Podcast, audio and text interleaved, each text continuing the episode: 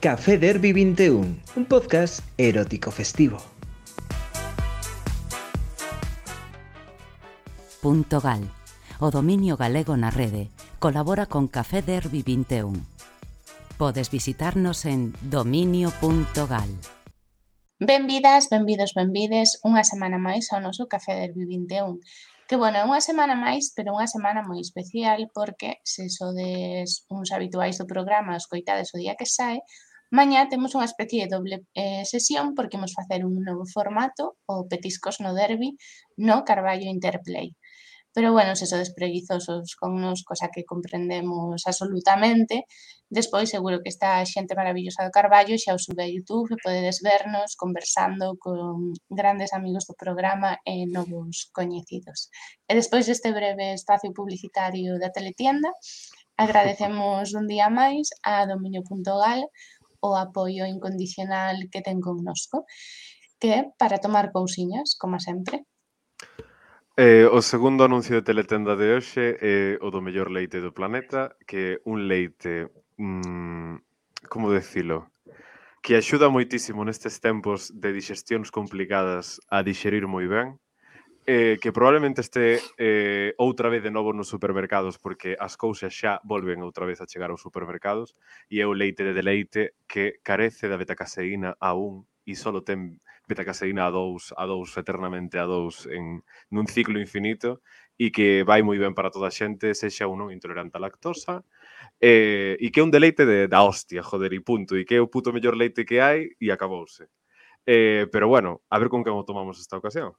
Pois vimos tomar cun xornalista, escritor e poderíamos dicir mil cousas máis, pero tamén moi importante que é de Vila García de Arousa, co cal, hoxe, por primeira vez penso, somos dous persoas de Vila García de Arousa, isto é histórico. Está connosco Carlos Mixide. Pois moi pois. boas, que tal? A verdade que sí, de Vila García de Arousa, polo menos, de nacemento, o iso dio carné, de familia, sí. Inda que nunca este no de ali, eh, pero... que quedou o povo vacío.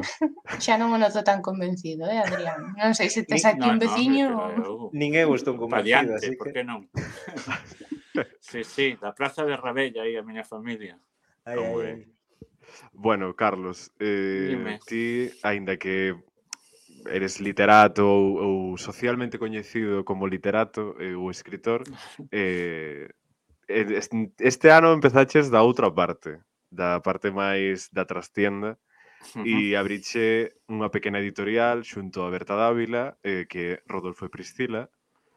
Eh, bueno, por que ese, o primeiro de todo, por que ese nome? Rodolfo e Priscila, pois mira, Rodolfo e Priscila ten unha explicación bastante eh, sinxela e é que Rodolfo e Priscila eran dúas persoas ou dous obxetos moi queridos para nós e é que Rodolfo era o meu peluche de infancia Oh. E Priscila pois, era tamén o, o boneco dunha caixa de música de Berta. Entón, como eran dúas cousas moi pequenas, delicadas e fermosas para nós, quixemos puñer ese nome editora porque realmente queremos que os libros que fajamos tamén teñan un pouco esas características, non? É certo que Priscila, o boneco de Berta, aínda está vivo e, e feliz, en cambio Rodolfo tivo unha desaparición bastante tráxica da que non quero recordar demasiado, pero bueno, un día cheguei a casa, tería 10 anos ou así, e, Rodolfo xa non estaba, nunca soube moi ben que pasou. Miña nai e miña avó nunca me quixeron especificar exactamente que pasou con el. Pero bueno, eso recordo permaneceu e, de feito, pois, é fermoso que poida darlle nome a, a esta editora, claro. De feito, eh, Rodolfo é o villano de Toy Story 3. Pois. no, Rodolfo era, eh, eu creo que vende aí, porque Rodolfo, o meu peluche, era un leonciño, E Rodolfo era un león que tiña, eh, como se chamaba aquela que tiña Mari Carmen e seus muñecos, non? Ah, non era o personaxe ah. máis popular de Mari Carmen, sí, sí. que era Doña Rogelia, tal, pero tiña a Rodolfo, que era como el león Sarasa, que facía moita graza naqueles anos, me intentan entre amigos e tal. E eu tiña un leonciño, supoño que lle puxen Rodolfo por iso, non sei agora, pero... Claro. Pero sí. Bueno, eh, un caso máis de, de emigración durísima en Galicia. Eh, outro outro personaxe caído en desgracia, Rodolfo, allí donde Rodolfo, estés. Sí. Fuga de, de talentos. Mm. eh, bueno, en a túa editorial eh, falabas de facer obras pequenas e preciosas, pero iso é a filosofía, iso é o método de traballo... Bueno, eu, a ver, quero dicir, eh, realmente esta editora empezou a finais do ano pasado, pero eu personalmente xa levaba máis tempo editando libros porque eu ata certo punto me edito a mí mesmo, non? Eh, levo dende hai seis ou sete anos editando as miñas propias obras, excepto algún caso contado, non? Entón, pois bueno, xa tiña unha experiencia coas miñas novelas, Sons, Cans, Viterice, etc., tamén con obras de outras persoas, como as de Martiño Suárez, aquelas de O Bestiario do Bestiario, ou Antoloxía Poética de Carlos Santiago, etc. Pero, bueno, agora eh, Rodolfo Priscila Converto, que ten o xeito tamén de ter un pequeno selo editorial que vaya conformando co paso do tempo un catálogo un poquinho máis eh, coidado e que teña unha identidade en si sí mesmo, non? Entón, pois, pues, bueno, a idea é eso de, de ter un selo propio, non máis alá de que vai editando puntualmente libros, non? eh, a labor do editor, porque, bueno, sempre se fala do editor, pero eu penso que a xente non ten moi claro que fai un editor. Eh, uh -huh. Como é a labor dun editor? Eh, ti que és as dúas cousas, escritor e editor, pareceche máis complicado ser editor que escritor ou, ou como, como ves as diferenzas? A ver, eh, claro, son cousas diferentes. Eu, e tamén é certo que a miña eh, o meu labor de editor, pois eh, casi é un labor artesanal, non, non, non, non está no, non é equiparable seguramente o, o labor de edición que fan as, as grandes editoras, non? Pero, bueno, ao final o que se trata é de facer o libro físico, non? de facer o obxeto físico e do produto comercial, da mercadoría, digamos, de darlle unha factura fermosa, de que estea presente en todos os lugares onde teña que estar para que a xente poida chegar a él, facer unha boa promoción, pois, bueno, todos esos procesos non que teñen que ver coa creación de dun libro que acompañe o texto literario, que sexa o seu soporte e ao mesmo tempo que sexa a súa presentación ante os lectores, non? Entón, pois bueno, é un labor eh, fermoso dende o meu punto de vista, non? Porque ao final tamén te das conta de que maneira podes coidar a elaboración de algo que é querido por ti, non? Neste caso, pois unha obra literaria, pois dalle unha boa presentación, un bo aspecto, despois evidentemente está o o que é a edición literaria, non? Que é interesante, claro, eu como me autoeditei ata agora eludín ese proceso, pero é interesante tamén poder traballar un texto co propio autor, non? E, e intentar melloralo ou buscar confrontar con el, non? Eh, pues, certas cuestións para que o texto sexa o mellor posible, non? É un labor importante realmente da edición literaria.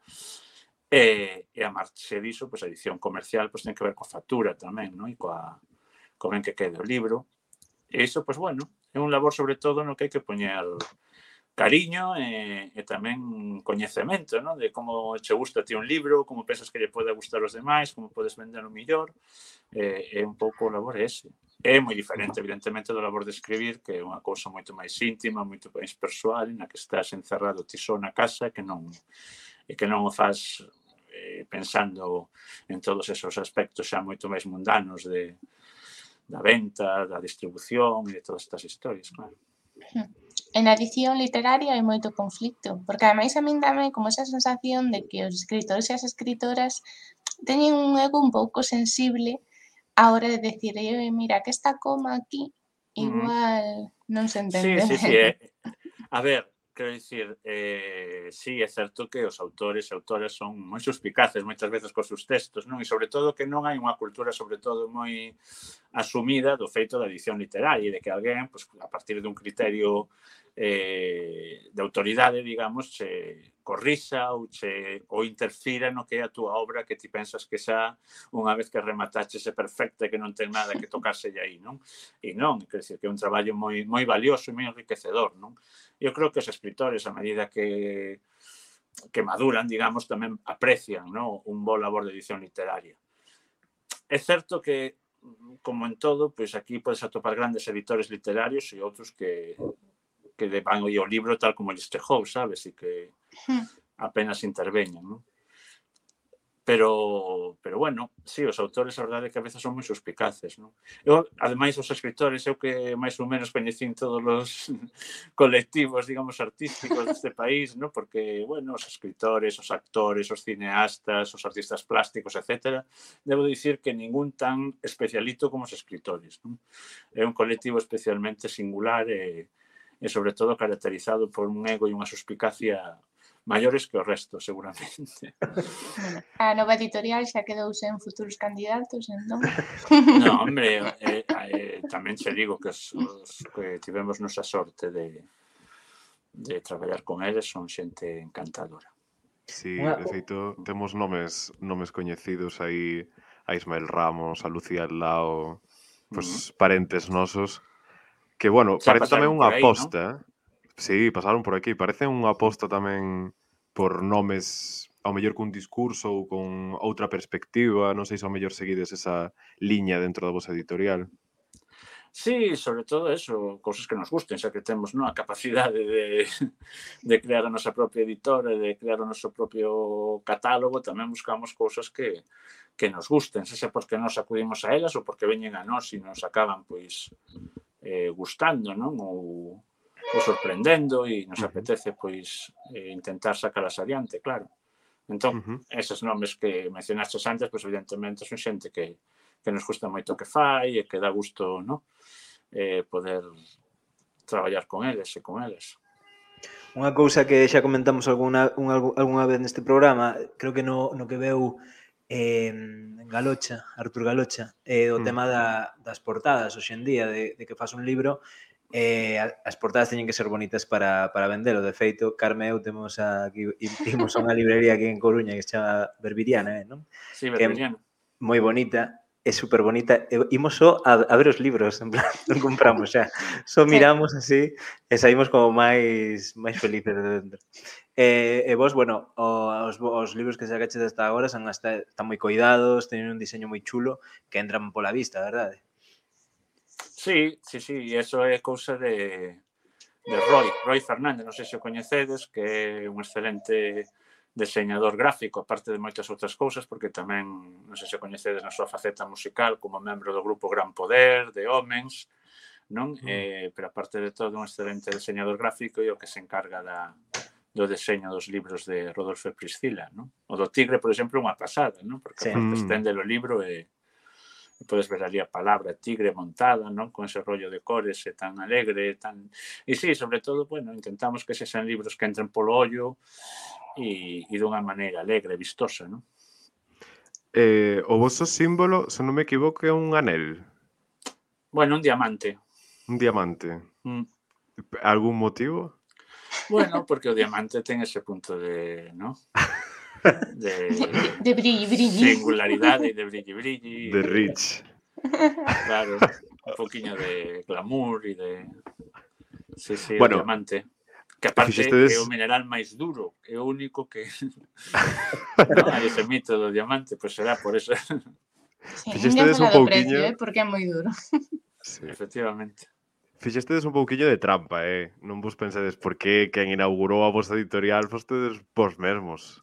Bueno, a ver, sacamos dous ao mesmo tempo e realmente o primeiro libro que saiu como tal foi o de Lores Ferlinghetti, que é un libro de poesía dun autor americano, Lores Ferlinghetti, que, por certo, morreu ano pasado con 101 anos, foi a ah. Bondo Lonxevo, e un libro fantástico, ademais, que ten unha traducción moi boa de Daniel Salgado, E ese foi o primeiro libro que editamos e o seguinte, porque apareceu certo no mesmo tempo, foi un, un libro de Berta máis eu, non? Con debuxos de Berta uns textos meus dunha viaxe a Nova York que fixemos, que, bueno, queríamos tamén ter ese, ese momento de, pois, bueno, de agasallo, non? De, de iniciar a, a colección con algo noso, que tamén será o último que fagamos como tal para, para editora, non?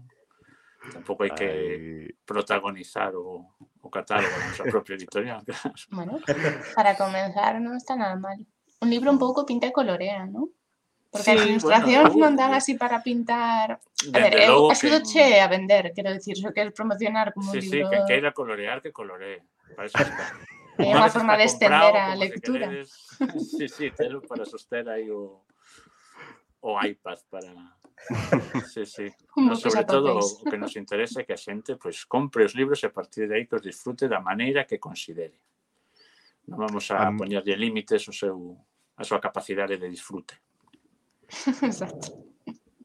Unha das cousas que máis eh, complicadas me parecen. Bueno, iniciar un proxecto xa me parece eh, avanti valientes eh, el mundo es vuestro.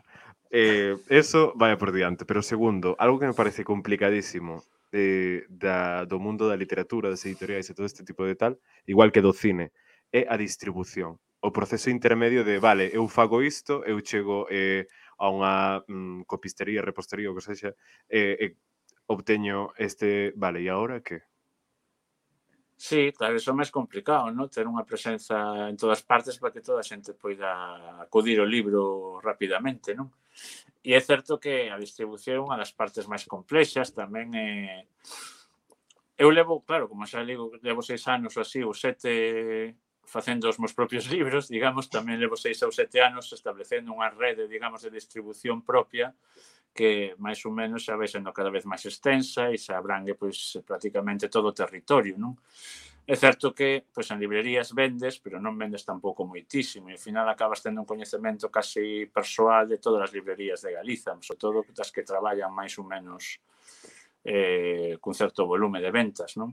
E despois hai algún caso pois, particular que, que quere acudir a ti, pois acude, non hai problema, estableces unha relación pois a través do sistema postal ou do que sexa e e tampouco é difícil no, distribuir ou non ter un gran volume de libros que decir, é fácil establecer esa distribución persoalmente. Non? E, e é certo que para iso, pois eso, a rede que fun construindo eu personalmente nestes últimos anos é moi útil, claro. que xa non é só dos libros que fixen, no? tamén vende dos discos dos da Ría e de moitos outros proxectos persoais nos que ao final acabas coñecendo o mundo da cultura en Galicia casi por por pura experiencia, por pura, ¿no? por, por pura vida, como dirían en Costa Rica. Ibas como os da entón comisión de festas. Efectivamente, plan... sí. Porta por de feito, os primeiros tempos foi así, ir co coche de aquí para lá, cunha mesa destas de despregables non e montando o cheringo na feira, como se di, non? E agora ainda non vou a tantas, pero o primeiro ano foi unha cantafeira, festa había por toda Galicia, non? E montaba ali o cheringo dos, dos libros. E era moi interesante, a verdad, porque, bueno, era un sistema de venta un pouco alternativo tradicional, pero que funcionaba moi ben, sobre todo porque se compraba xente que nunca de outra maneira iba a chejar os teus libros, non?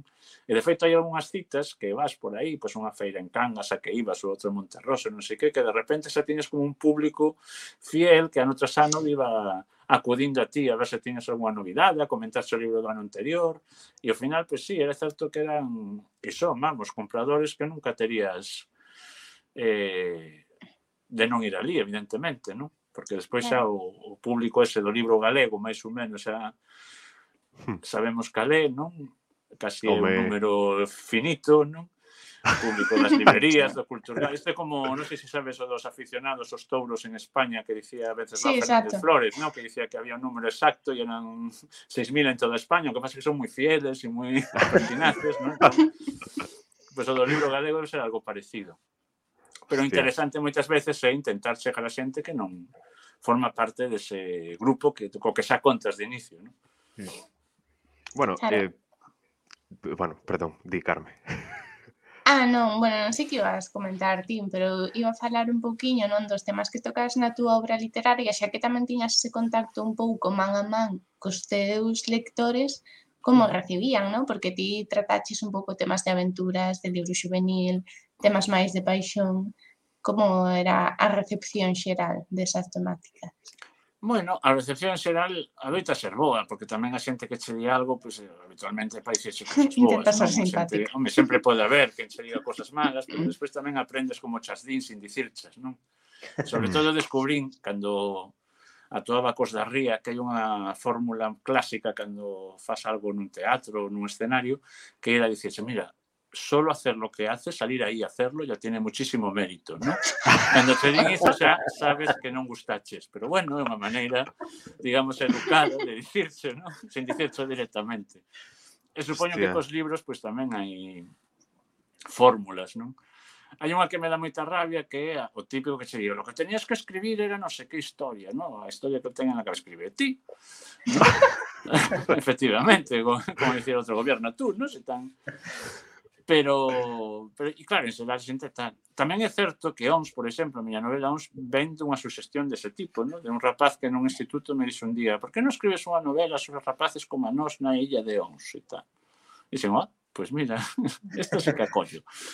no? E, e sí que seguí o consello do rapaz, pero en xeral Pero é certo que sí que, que claro, teño moito feedback, como se di, dos meus libros, porque eso, moita xente pois me ve directamente, me compra os libros directamente, e é certo que sí que, que me falan moito, non? E, bueno, en xeral gusta, e esme, sobre todo, me presta a ver que gusta, sobre todo, rapaces, así, adolescentes que leen as novelas estas de dos cinco deóns que se chaman, sí que é moi agradable, porque sí que ves que lles gusta, sobre todo, porque notas que lles gusta no sentido de que se indignan coas cousas que pasan na trama, non? Din, por que fulano dixo que tal ou outro personaxe, non? E iso é que se meteron aí, non é só que digan que lles gustou porque me ten que gustar a literatura, que é unha cousa moi habitual no noso tempo, non? A xente que non sei se lle gusta ler, pero gustalle que a xente pense que lle guste ler, non? Xa non é tanto que lle guste o feito dunha cousa como que a xente sí, considere que lle gusta esa cousa. Eh? Adrián máis eu entrando nas librerías para que a xente pense que nos encanta ler, pero só nos gusta ver libros bonitos. Claro, efectivamente, ¿no? Eh, claro. Cuidado que a semana que ven igual sai un fío en Twitter de Carlos Meiside rouboume a miña novela parte 1 ah. de, de 50. Oye, eh? Aí, no, a xente últimamente está un pouco doente co de roubar ideas, eh? Pues Pero que, que ah, idea? Robecho o, o rapaz, o rapaz do instituto de, claro. de... Ah, no, no, el sucedió unha historia e adiante tamén, eh, en todo caso que me podería denunciar sería Nick Blyton ou... Pero... Bueno, está ocupado. Preocúpome, preocúpome, Pero, sí. sí, sí. Claro, sí. Eh, eu, eu quería facer un pouco de parada eh, no mundo este dos cinco, porque pareceme curiosísimo eh, que teñan nomes de lugares. A mí explicaronme un pouco esta historia. Eh, As pero... novelas, non os personaxes, que isto non... No, no, no, no, no, claro. No, no, novelas, novelas. Eh, eu contaron a historia. O que pasa é que eh, teño un gran defecto que que eh, desconecto eh, sin querer. Na, e, ao, e ao mellor pillei partes inconexas da historia e máis menos sei do que vai. Pero eh, se me podes contar en, en plan... Sei máis menos o que pasa, pero como é o rollo? Que se coñecen? Y van a Si quieres contar otro tipo de modo, es la historia de unos chicos de la isla de Jones que se conocen en las vacaciones. Y a partir de ahí, ¿no? Antes continuar, eh, está guay. No, pois é uns rapaces que se coñecen na illa de Ons, pois nas vacacións, supostamente dos deles son da da illa ou teñen unha relación coa illa e as outras pois son veraneantes, non? A rapaza da Coruña que ven cos seus pais, que son os típicos profesores universitarios así un pouco progres que levan dende os anos 80 indo ali a illa todos os anos, máis a súa curmá de, de, de, de aldea de ali de Guiteriz, e entón coñecense este grupiño ali os catro fan unha pandilla na, na illa de Ons. Entón a primeira novela transcorre en Ons, unha novela de aventuras e de misterio ali na illa, da que despois se fixa a película de, de Alfonso Zarao. Exacto. Ah, por eso está Melania. Pero, no, no, no, ao final non se parece nada. Eu levei unha decepción moi grande cando fui ao cine a ver a peli de, de Alfonso. Claro. ¿no? Pero, no, esto, a ver, ahora en serio, xa, eu xa sabía que non estaba baseada na película, pero é certo que hubo un actor que, que me comprou a novela e despois un día lle, lle foi a Zarauza a dicirse lle podía, se podía facer a prova para facer de garda civil na película. Ah, e dixo Zarauza, pero que garda civil e tal? Non, non, pero que a novela e tal. Ou hai un momento cruzado de novela a película. Hostia. Pero non, non, non teña nada que ver. Bueno, entón, é iso non aventura na Illa de Ons. A seguinte, a segunda parte, son os mesmos personaxes, pero van a ter unha aventura no Festival de Cannes de Porriño, do Porriño, uh -huh. e despois a terceira vamos a casa do personaxe de, de Fátima, que ali en Guiteriz, aproveitamos po Festival de Pardiñas, todo ese ambiente, e por último a cuarta, pois esa na Illa da Arousa, non? Unhas vacacións que, que teñen ali na, na Arousa. E se queredes, aproveitando, dovos unha exclusiva, Uh. E contovos que xa estou a escribir a quinta, que eu bueno. que xa bueno. derradeira e estou aí coa quinta sempre no proceso de, de creación. Sodes os primeiros que, que os sabedes. E bueno. podemos saber onde vai ser, en que festi tocas esta? Esta vai ser un poquinho máis máis lonxe, vai ter un punto road movie. Van aí bueno, bueno, international. Salou, fin de curso. Exacto. No, van encoller un bus a Lugo, que é unha cousa complicada de carallo. É road movie, literal é road sí. movie. Sí, sí. Eh, ai, pero é que eu quedei un pouco co dos, co dos eh, profesores progres dos 80, eh, que sí. eu non son de costa, pero eh, sí que é certo que é un pouco ese tipo de personaxe que vai dous meses a un sitio, isto seguro que vos los tres que sodes do tipo de lugares onde hai turistas, eh, non estou así, eh, este tipo de persoas que diche eh, nos dous meses que está ali como ti tes que vivir o resto do ano, no sitio onde vives habitualmente, non? Este tipo de personaxe. Sí, bueno, no, son máis ben como os progres así que foron hippies nos seus anos de cando OMS molaba, digamos, e que ao final xa estableceron aí un coñecemento, contacto cos veciños e e son casi parte da illa, sobre todo eses meses que están ali.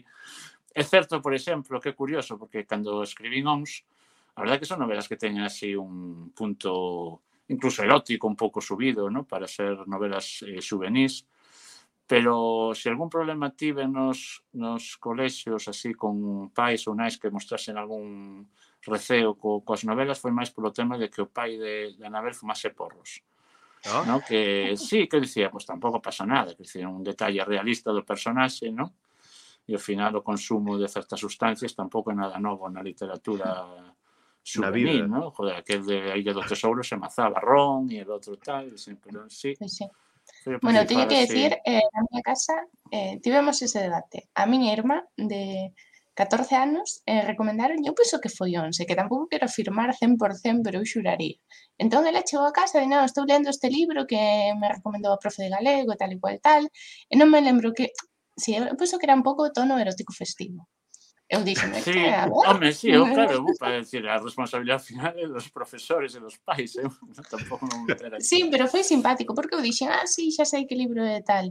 Pero entón, é certo eh... que sí que onde máis eh, tampouco que houvese moitos problemas, é eh? dicir, tampouco estou aquí a falar que...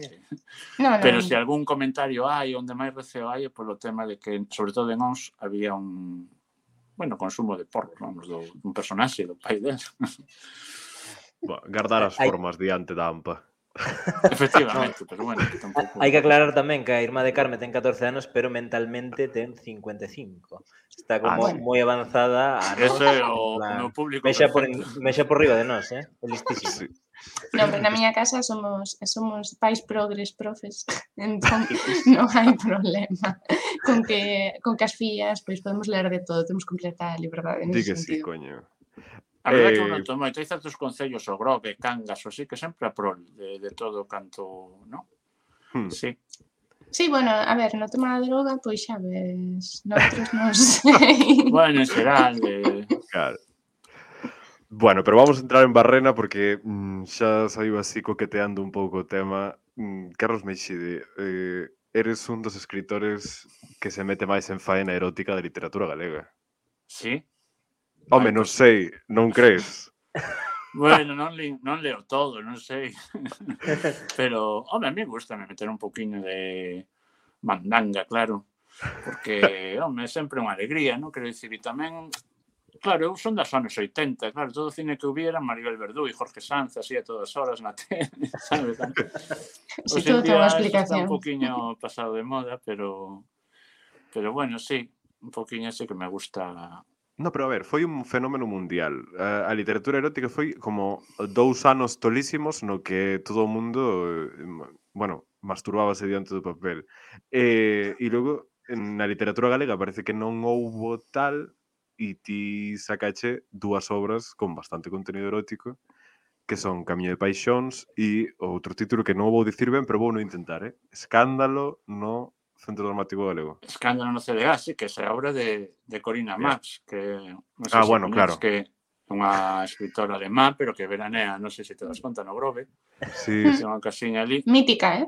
É bastante sí. mítica. Eh, e bueno, sí, foi de feito con escándalo no, no CDG quisemos iniciar unha colección precisamente romántico, erótica, digámoslo así, e aí estamos, a ver se buscamos algún segundo título por aí.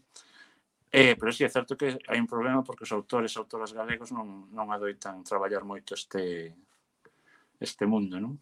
E polo que se e, e, e camiño de Paixóns tamén ten, bueno, a ver, porque tamén é certo que eu vendo máis que o, o rollo erótico festivo do que hai nas propias novelas, sabes? Gústame utilizalo como reclamo publicitario. Despois, o mellor, incluso pode ser que haxa un pouco de decepción se alguén vai buscando iso eh, especificamente. Despois hai novelas que se venden outra cosa e despois entras aí e dices, ostras, que sórdido que está sucedendo aquí dentro, non? A nivel sexual e todo eso. Pero, pero bueno, sí, me gusta, gustame un poquinho, ¿no? Ese tipo de novelas un pouco subidas de ton e un pouco disparatadas, sobre todo no caso de mm, Camiño de Paixóns, por exemplo, non? Que é unha novela ambientada no Camiño de Santiago. Eu escribina dende o principio casi como unha broma, non? Era para un premio do Camiño de Santiago, entón dixen, eu, mira, isto me sirve a min para no momento dado editala, se non gaño premio, que non contado, pois sempre podo editar nesta colección na que vou iniciar con Corina Mars, pois sempre podo facer unha noveliña propia de, de paixóns no camiño, non? Entón, digamos que o premio serviume como como excusa para escribir unha novela desas características, non? E, e entón, pois, aproveitei para os excesos, non? Excesos eróticos, excesos de violencia e un pouco unha novela sobre terrorismo internacional, eh, sexo e todo un pouco subido de ton no camiño de Santiago, non? porque dixen, o meu camiño de Santiago, honestamente, esta marca diga, porque foi o gañador do premio, pero sempre me parece un tema aburridísimo para calquera tipo de narrativa. Sí, a verdade é que... entón dixen, se vou escribir algo sobre o camiño de Santiago, terei que ir a un pouquiño a, a darlle caña, non? E entón, eso, me creei unha historia, pois, cunha relación eh, erótica, con terrorismo internacional, que collía a referencia daquela secta xaponesa de non sei se vos acordades da verdade suprema, non? Os do metro de Tokio, entón inventei mm. unha historia un pouco disparatada de terrorismo internacional e, e relacións... E lesbianas. Tamén, un pouco, todo que o público deste tipo de... De movidas.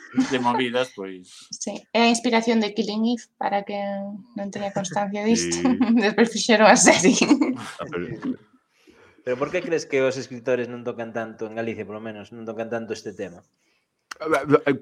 Habendo rumor que hai de que foden como a cabelos, Bueno, Igual en, po en poesía eu penso que o tratan máis, non? Pero nos baños. Como sensación... Sí, bueno, a ver, eso sí. ¿eh? sí a rumoroloxía sei, eh, tamén que mm, se tería que tampouco creas, eh, que se, sí que se, home, non o hai como non hai moito caso de literatura, digamos, decididamente erótica ou Ainda que, bueno, sí que hai certa tradición, hai o premio de literatura erótica este, no, de Malpica, Oillas e Sargas, e había algún algunha referencia máis, non? Pasa que habitualmente sempre dentro dunha clave un poquinho máis mm, literaria, se queres, non? Non tanto de consumo un pouco máis... Sí, un pouco máis pulp, este, un pouco máis trangalleiro. Claro. A ver, é que, é que o momento do fenómeno da literatura erótica iso foi unha auténtica barbaridade. Un, un polas cifras que se manexaban de ventas, porque esa, a xente que se subeu nese carro eh, nada, pasou a pandemia pasou unha moi ben co xardín privado. Eh, e despois polo punto da revolución de público, porque ao final eh, eu que, bueno, falábamos, penso que falamos máis veces aquí, que era realmente quen lee as hm. mulleres de determinada idade, de determinado poder adquisitivo e que collan ese tipo de literatura que é un incentivo para revolucionarse sexualmente a sí mesmas a mí pareceme unha cousa ben chula Sí, sí, sí E aparte que, bueno, claro, que decir que a veces tamén temos unha idea do feito da lectura como sempre vinculado a unha certa, ¿no? excelencia intelectual ou algo así, cando é un, moitas veces unha experiencia simplemente de consumo, non? Ou de, ou de entretemento, quero dicir, entón aí collen moitas cousas e todas teñen o seu punto, non?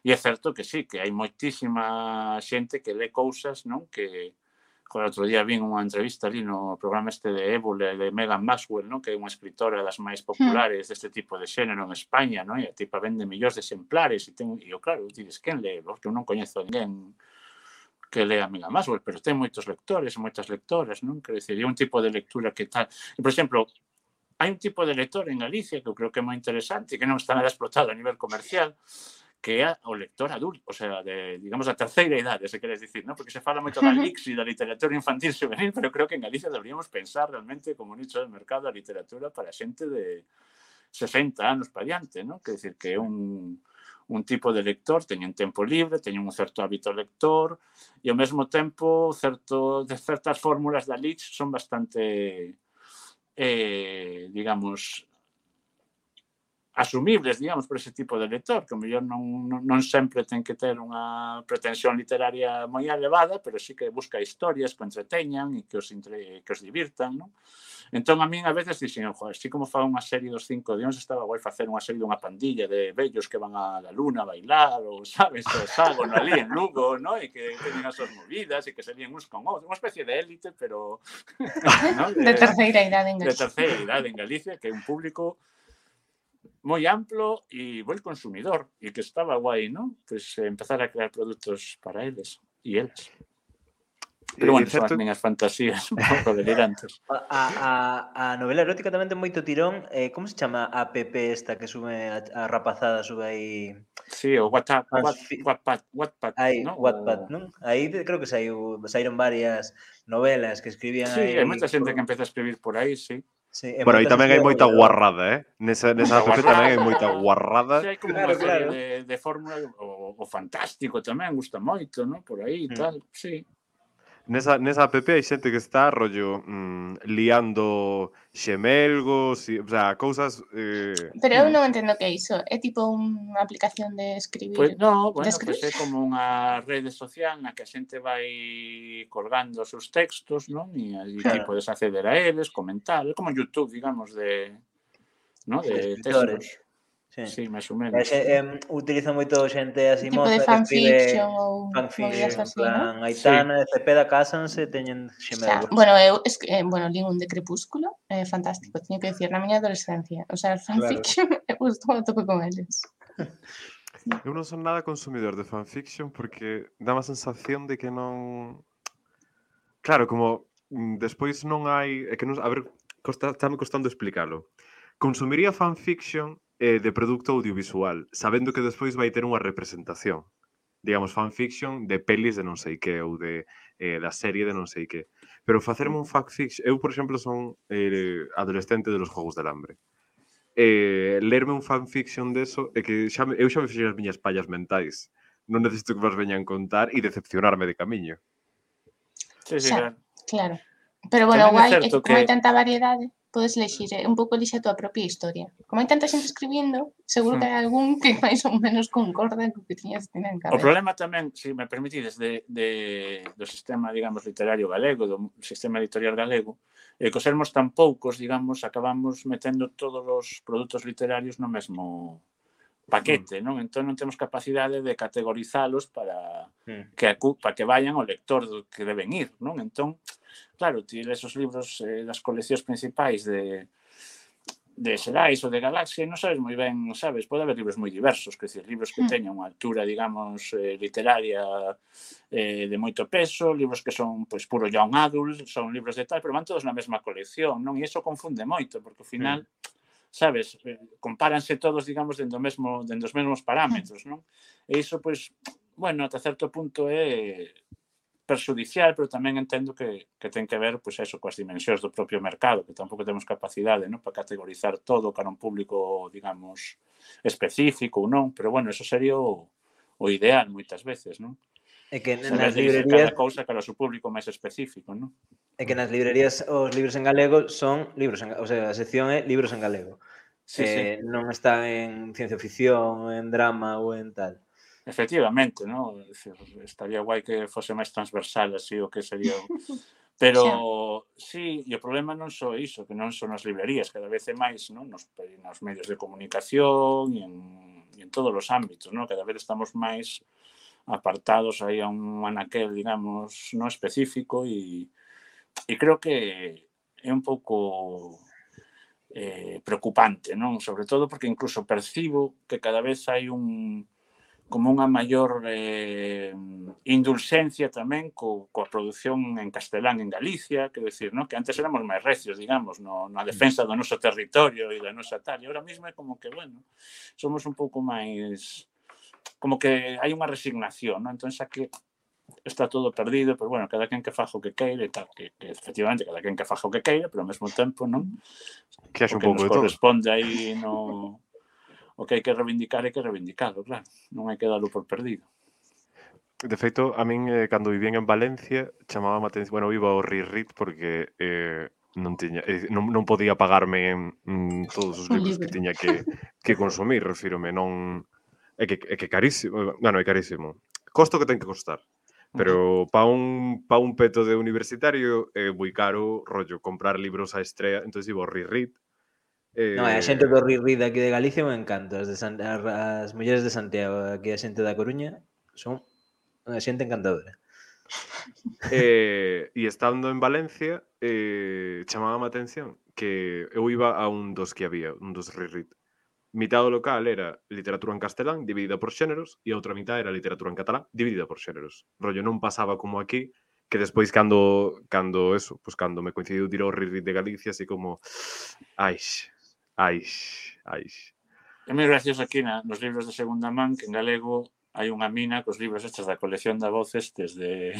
Ah, pois, sí. e ah. despois con co este de Fernández da Torre, que están todas partes, ¿no? como editaron sí. 100.000 co periódico, de repente en todas as libras de segunda man atopas el Yo acuso este, como se chamaba o libro aquel de, de Fernández da Torre, ¿no? Bueno, eu teño yo eu teño eu teño o mellor yo acuso de todos eh que que o teño que ensinar. Sí. Que Dios, non sei Vamos facer onde, descripción de imaxe, Nico levantas Nico eh, está polo cadeira. plató, polo plató sí. do Café Derby. Claro, é que, sí. é que agora mesmo non sei non Buscando un obxeto inanimado que facer un pouco. Un libro de, eh, de, de Rey eh, Fernández da Torre. En, en castelán, os que ven, vense moitísimo son os de Círculo de Lectores, que sí, ah, cantos, son feísimos, son feísimos. Sí, sí, que no pero cantos son, cantas persoas foron polas casas aí a vender libros de Círculo de Lectores. Sí, sí, certos autores, no, Eslava Galán, Vizcaíno Casa, no, ese tipo de autor de libros de planeta dos anos 70, e 80, no, que quedaron aí as bibliotecas todas. Que faga, bueno, xo teño, eh? ten que facer Pixar unha película de libros, eh, libros, Nico, de libros Nico procede.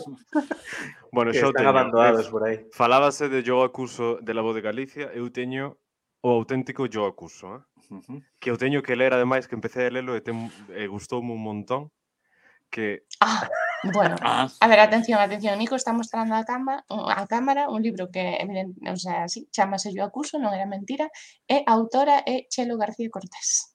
Ourensana de nacemento, raza autóctona.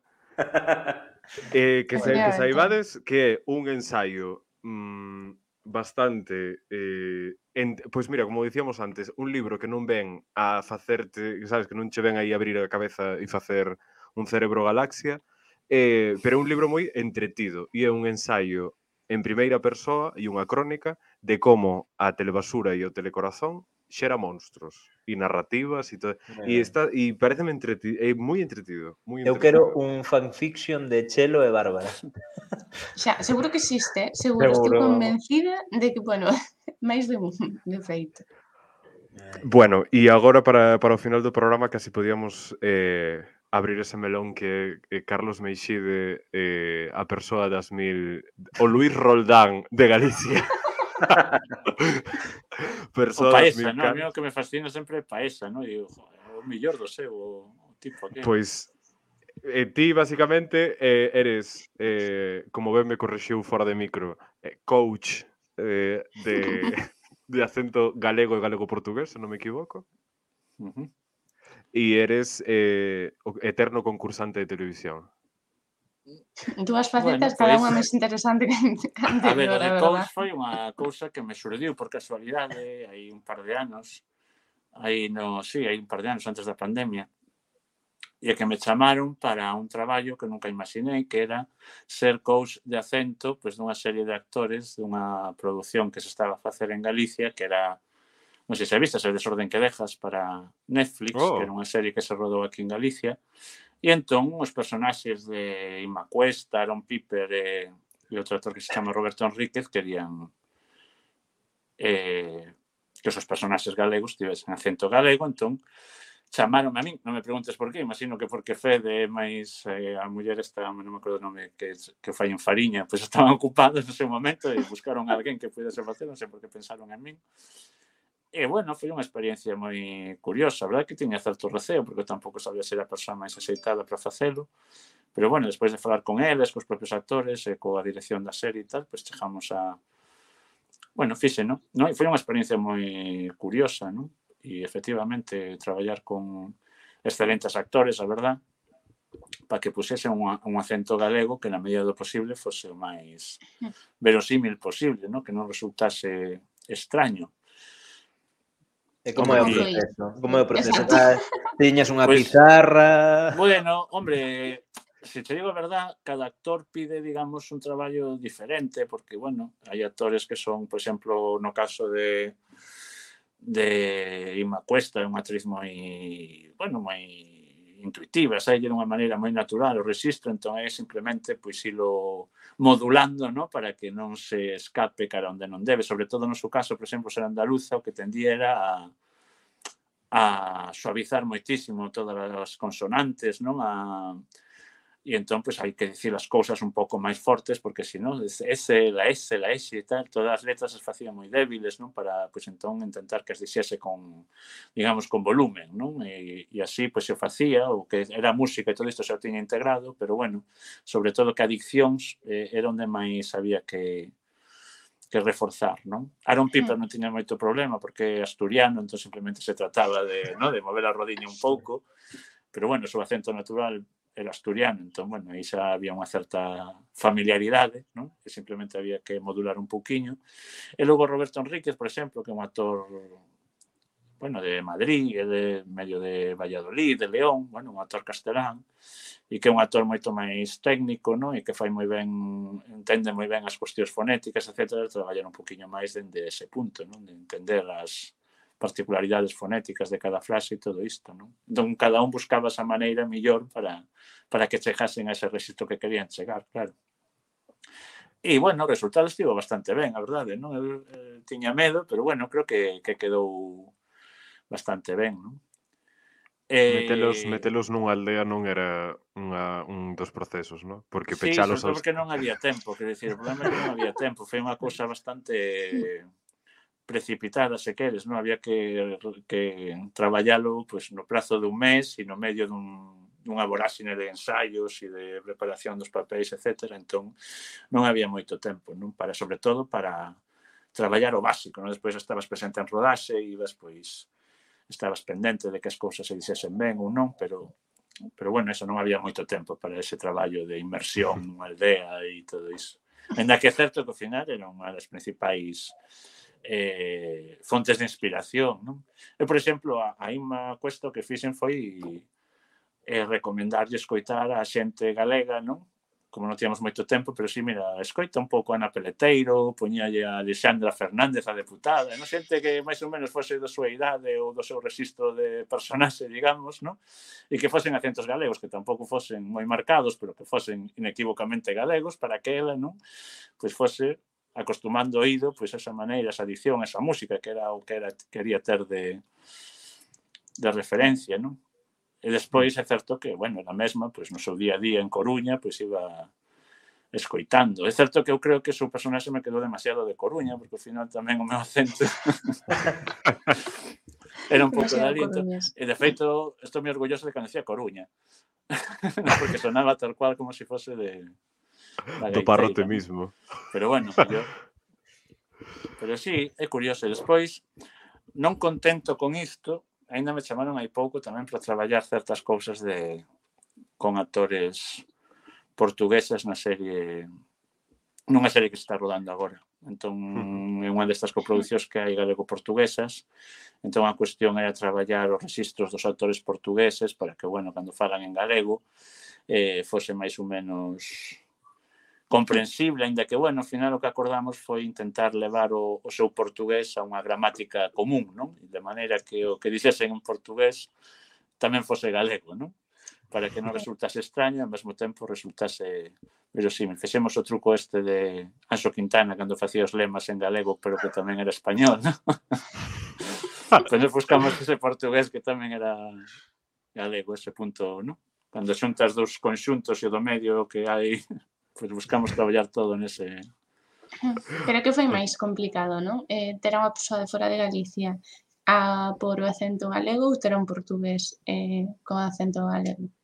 Ou máis ou menos? Home, o máis difícil é o, o de ter un andaluz intentando facer o acento galego, non? Evidentemente, porque claro. queres que non eh, é algo alleo a eles, claro, porque un portugués, ao fin de contas, sobre todo porque na propia serie o registro do portugués é o portugués, non son portugueses facéndose pasar por galegos, son portugueses falando galego, entón que eles teñan o seu propio acento, o seu propio incluso, hmm. sabes, a cuestión é que se comprende o diálogo, pero claro. non había que forzar demasiado o acento, non? En cambio, pois pues, hmm. sí, si o personaxe dese actor andaluz ou actriz andaluza é un personaxe galego, sí que ten que que pasar por tal, non? Entón era bastante máis complexo, sí. Hmm. Bueno, e o segundo melón. Contáronos de ti que eres concursante de que, bueno, a frase literal que nos dixeron foi: "Estivo en todos cantos concursos houve na televisión". Bueno, estiven en 50 por 15, cando aínda o premio eran pesetas. Estiven en Pasapalabra, estiven tamén no Saber e Ganar, e en El Cazador este que hai agora. Ah, estiven neses sí. catro concursos, mm. sí. sí. Entón, vale, Galicia, de Galicia? En cifras e letras, non? Que é mítico de... Non, en cifras e letras non. non. Oh. Estive ah, ah non. Bueno, pois pues, entón xa... Cal é o máis difícil de todos? o máis difícil? Eu creo que máis difícil para min bueno, todos son difíciles, home, é moi complicado, por exemplo, de pasapalabra, ¿no? Cando vas ao rosco este, ¿no? E te enfrontas ali a outra persoa que ademais leva 50 programas, que curioso porque eu no pasapalabra cadrei con un tipo que era moi bo e despois de feito gañou o Rosco e que hoxe en día é o xefe dos antidisturbios en España. Era sí, un policía, sí, sabes? mítico. Pues, sí, sí, sí, sí, sí. Ese.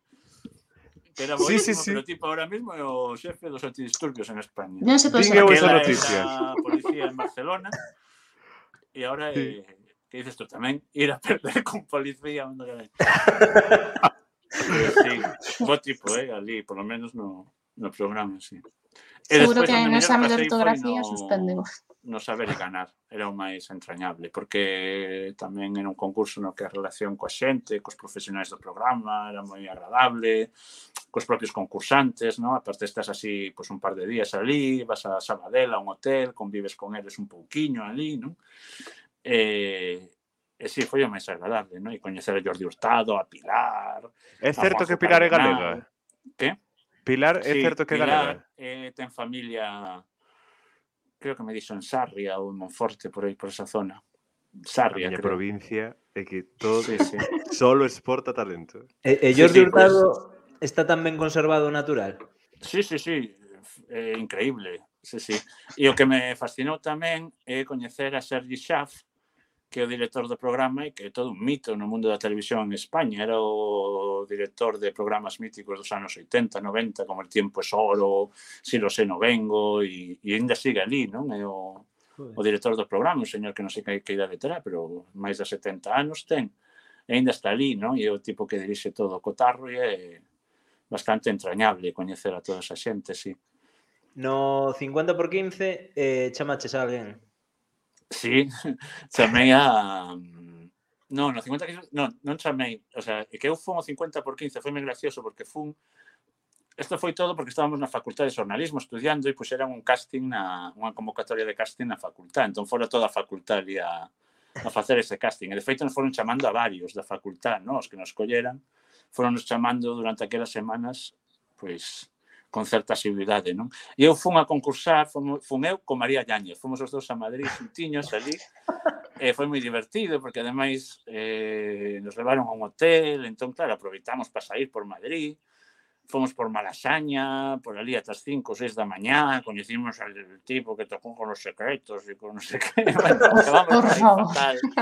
Creo que ás 6 da mañá volvimos pro hotel e ás 8 da mañá teñamos que estar xa para ir ao estudio que de feito me acordo que nos levantamos ás 8 da mañá e me veo al día de producción. Tu amiga, ¿dónde está? Que non aparece, estamos esperando por ello. Que sé, es que estará dormido. Porque María non daba aparecido, quedara dormida, tal. E ao final chegamos ali ás 9 da mañá ao estudio, entón xa nos meteron directamente ali no plató, coñecimos a Carlos Sobera, Carlos Sobera, e xa fixeron a primeira pregunta, esta coa que seleccionaban o primeiro concursante, e eu xa acertei o primeiro, xa saín o primeiro a concursar, en as nove da mañá, eu estaba con unha resaca criminal, e xa entrei a concursar, empezaron a facer máis cinco primeiras preguntas, acertei todas, entón eu estaba nunha sensación de realidade como de, ostra, eu daqui vou salir millonario, de repente xa unhos días, sabes, acabo de levantarme as nove da mañá, estou aquí gañando dinheiro, 300.000 pesetas e tal. E iba moi ben, pero na sexta pregunta xa me... Toros que Toro matou a mm. Joselito, que non Manolete, que esa sabía, pero Joselito, que eu pensaba que era un cantante. Pero había un toreiro que era Joselito, e non a sabía. Entón pedín o, o comodín do 50 e o do público, xa non chamei a ninguén, porque que carallo sabe aquí de todos os que teño. E, e fallei, porque o público me dixo que non era. E mm. nada, xa marchei. E despois María, que ese programa non concursou, volveu máis tarde e eu sí que fun o seu comodín de chamada. Entón ela Ah. chamoume a min dentro do programa para ser eu o comodín de chamada, María Yáñez. E E de feito como foi acertei, porque Ah. era pre-internet. Non puiden acudir a internet, tiven que saberlo eu de cabeza. E me preguntou cal era o río que pasaba por Varsovia e de Pístula. E aí estivo. E, e María foi guai, que gañou un millón e pico. E sí, fundou 20 con ese nosos cartos. Bueno, gracias a, ao programa estamos nos aquí. Exacto. Sí, sí, sí. Bueno, non se pode anunciar, pero alguén do Café Derby irá á televisión dentro de pouco. Sí? A la, a la Isla das Tentaciones. Come on, if you love me, come on, if you love me. No, no, no. Bueno, xa se saberá, xa se saberá. Xa se saberá. Estamos collendo xa Estela desta, desta escola de, de concursantes. Sí, tamén é certo que non é que eu teño ansia por ir a todos, pero supoño que como hai para sobre todo estes concursos que son así como de cultura xeral, como fan castings para que teñas un mínimo nivel, unha vez que o das, no? como que te meten aí nunha sorte de, mm. de base de datos, entón chamante cando hai algunha convocatoria, entón Sí, sí, e de feito, pois, sempre que me fixeron casting ata agora, pois acabei concursando, non? Menos na última vez que me fixeron o do, sin chamar eu, do Queres ser millonario este novo que hai, e non o pasei. Fixeron fatal. Mm. De feito, tamén é certo que se me dan fatal as preguntas estas tipo test. Como medias que empezou a duvidar, ainda que a saiba. eh, Bueno, eu pecharía o programa preguntando cal é o programa que iría cada un ou que lle encantaría de, ir? De pre... eu, eu querría ir a un programa que xa non hai, que fixeron en 4, fai uns... cando empezou 4, que era eh, Soy el que máis sabe de televisión del mundo, ou algo así era. Eu aí arrasaba, creo. Eu particularmente eh, un programa co que aínda soño a día de hoxe ir e que mm, supoño que, que algún día darei o paso de anotarme eh, La ruleta de la suerte. Eh, pareceme un unha realidade absolutamente paralela, pero total, onde total. o tempo e o espazo non existen, eh, onde para min está a persoa co mellor traballo do mundo, que é esa azafata que non ten que darlle a volta Paloma, as letras, pobre Paloma, eh? Porque son Eu eh, quero máis protagonismo que esta rapaza. Ai, a mí encántame, porque o traballo é ir guapísimo e levaros a mellor roupa, a roupa máis chula que hai. Mm, finxir que lle das a volta a unhas letras, é que é un, de verdade, é un programa maravilloso, a min encántame. Nico porque- quere ser muller florero. Bueno, pero isto non é novidade, eh? Isto que No, se no, no. saiba, eh, estamos abierta a contrataciones. Eh, eh, la ruleta de la suerte, donde el tiempo y el espacio deixan de existir. Xa. a mí molábame moito o típico, quero ser millonario, que pasa que non sei se son tan lista e tan seria, pero Boom, eu penso, ademais, non estábamos bo equipo, teño que decir, para ir ao Boom. O Boom, ah, se eh. pasa que hai que ter amigos para ir a ese. Xa, claro, é que, a ver, eu teño estes dous, que, a ver, amigo, Xa. amigo. bueno, un que, non que mencionei, hai un concurso que non mencionei, que moi mal, que foi o de Anaquiro. De feito, gañei un quilo reloxo. Non sei se recordades o concurso que de Anaquiro que había pois tamén no. sei. No, eso sí, vale sí, cartas, eh? Era un que presentaba Carlos Roma e que tiñas que acertar unha canción que empezaba unha orquesta, unha tal, e entón dices, Corazón Bonito, de Marcelo Morelo, e tal. Entón, se gañabas, pois levabas cartos, e se perdías, pois tiñas como compensación un kilo reloxo, que era o reloxo co logo do programa de Anaquiro, e outro dos bueno. concursos nos que participei. Hostia, canto, a canto tes... vendes o reloxe ese? Que interésanos. Non sei que pasou, pero non, non, non sei onde ten. Está, Está con Rodolfo. sí. eh, e, e algún concurso que soñes con ir ou que, ou que poidas traer do pasado para meterte agora? O Gran Prix. Pois pues, mira, o Gran Prix, o Gran Prix yo, eh? traballei, é que eu traballei naquel Gran Prix da Galega, que era o Noite Brava, non sei se vos acordades, que presentaba a Beatriz Manjón. Que era de... con de- Avelino González. Sí, pa gañar cartos pa competían as os concellos. Sí, competían os concellos, era como Grand Mm. Prix, pero en versión galega, competían Sí. os concellos entre eles. Entón, eu traballei ali nese programa de redactor e encargábame de ir a, aos concellos a intentar montar equipos. Mm. E entón, Seleccionador. Pois, de alguma maneira, sí. E de alguma maneira, pois, xa teño esa experiencia coberta. E non sei, pois, gustaríame algo así máis surgen máis tipo VIP ou el juego de la Oca, non? Aqueles anos un pouco mm. tolos de medio ah, sí. algo así, sabes? Coñecer ese mundo un pouco máis... Mm. Oh. O juego bueno. de la Oca mola, eh, tamén. Eh, eh, co, co programa ese dos concellos montaron unha festa de espuma na miña aldea co cal. Moitas grazas. Eh, eh, bueno, imos bueno. montar o noso propio xogo que vai claro. explicar Adrián, como sempre. Nada, o xogo que... Ina, que non é. Bueno, Ainda non sabemos os equipos, intuímos máis ou menos, pero bueno, o xogo non é moi sinxelo. Eh, non tens que chamar a ninguén, nin utilizar o comediante público, só tens que elixir unha cor entre amarelo, violeta e laranxa, e cos equipos que faremos, pois, buscar a mm. Rodolfo Bronsta. Efectivamente. E a cor que elixes é? Laranxa. Laranxa son eu, non? Se non recordo máis. Non sei. Ai, sí, meu pai traballaba sí, vale. Tano. É que temos a memoria fatal. Vale, gañei outra vez. Eh, xa non sei que dicir. Eh, moitas grazas a, a miña familia e tal por, polo apoio. Eh, Gañou de Vila García, bueno. É verdade, que estaba todo planeado. Estaba todo planeado. Eh, o premio vai para a Plaza Independencia dentro da Plaza de Rabella. Bueno. E, eh, eh, bueno, pois moitísimas grazas a Carlos por, por estar aquí connosco, por contarnos todas estas historias, sobre todo os concursos, que foi a hostia, coñecer esos concursos por dentro, porque é unha cousa que sempre penso que nos, nos gusta e tal. E, eh, bueno, para rematar, vou poñer unha canción dun disco que está moi... Da, bueno, está relativamente de actualidade, as cousas xa pasan así dunha semana para outra, xa, xa ninguén se acorda, pero bueno, o disco este de que sacou Rosalía, que ao final non estaba tan mal como parecía, pues parecía que iba a ser un... Eso my fan, sí. Sí, Hombre. sí, parecía que iba a ser un desastre, pero estivo bastante chulo. Eh, vou poñer unha canción que me gusta bastante que é Bulerías, eh, E, eh, eh, nada, despedimos con Rosalía de Dorayaki Teriyaki. eh, ata semana que ven.